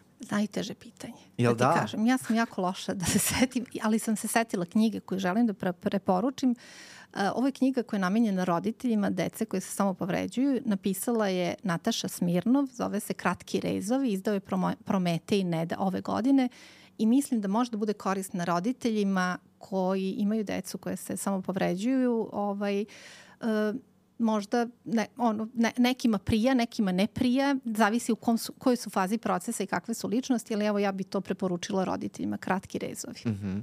I e, moram samo, više sam puta preporučivao tu seriju, mislim da sam i samog sebe više smorio, ali e, serija Sharp Objects sa e, Amy Adams u glavnoj ulozi koja nekako strašno dobro opisuje e, granični poremeće ličnosti, ali se usko nekako i bavi temom e, samo samopovređivanja i stigmatizacije samopovređivanja i uh, u stvari srama koji nastaje nakon što samopovređivanje prestaje, a ožiljci ostaju. Jesi li, eto, za kraj da te pitam, jesi li imala tako neke slučajeve uh, adolescenata koji se pokaju zašto su se samopovređivali jer su neki tragovi zaista neizbrisivi? Jeste. Ja, imam, ima ja, ja toliko radim da ih imam puno, ovaj, dugo sam u tome i ono kako ja recimo inter, volim da intervenišem, da, ovaj, znači ti ožiljci, naravno da je to proces, ne može sad moja jedna rečenica je nekako da integrišu to iskustvo, vrlo često imaju ideju da tetoviraju nešto, da sakriju ožiljke, a, a neka moja intervencija jeste, vidi, ti ožiljci su znaci, mi, ne, mi ne rastimo kad smo dobro, kad smo ušuškani, kad nam je lepo, ko, ko bi se menjao? Krize jesu prilika da rastemo, da nekako proširimo svoj identitet i ta iskustva koje si imao su teška, ali su pokazatelj tvoje snage. Tu si, pričaš sa mnom, živ si, živa si. ovaj, I ja vrlo često koristim ovaj, Amazonka. Znači, kao Amazonki koje su, kakva Amazonka koja nema ožiljke. Ovaj, to znači njena snaga, njena ono šta je sve prošla kroz život ovaj, ja bih volela kad bi mogli da usvoje taj koncept. Naravno, to ne može biti preuranjena intervencija, niti je to rečenica koja će rešiti, ali u nekom procesu im ponudim i tu intervenciju, odnosno taj narativ ili pa sad nekom to nekako legne, nekom ne, ali evo Pazi, evo meni je leglo. Mene si osnažila, iako nema možetke od samopovređivanja, ali se već osjećam osnaženo. Uh, mnogo ti hvala, evo do, došli smo do kraja ove epizode, da ti kažem da si me mnogo inspirisala na razmišljanje o, mno, o mnogim stvarima, ali uh, zadržat ću te još malo da se malo po, pozabavimo temom, ovaj, temom dijalektičko-behavioralne terapije. Hvala tebi, nisam znala, baš je bilo super. Baš sam brinula kako će biti I ovi reflektori. Da. A na kraju je bilo u stvari ono prijatno iskustvo. Hvala ti. Mnogo mi je drago da ti je bilo lepo sa nama. Dakle, ljudi, ovo je bila još jedna epizoda dva i po psihijatra. Uh, moram samo još jednom da vas pozovem da uh, pogledate i naš sadržaj na Patreonu. Da biste to uradili, morate da se pretplatite. Imate više različitih kategorija. Ono što je još jedna prednost naših Patreonđija jeste da ćemo sve naše specijalizante ovaj, nekako pridružiti našem podcastu tako što ćemo i njihova imena uh, staviti ovaj, u uvodne i uh, zaključne špice naše naših, uh, naših epizoda. Takođe, s obzirom da smo i na YouTube-u i da nam tu takođe treba vaša podrška, ovaj, kliknite na subscribe i lajkujte ovaj video, ostavljajte komentare jer samo na osnovu komentara ćemo znati šta vas u stvari zanima i gde grešimo, šta treba da ispravimo. Tako da do sledećeg slušanja i gledanja, do sledeće epizode, vidimo se. Ćao!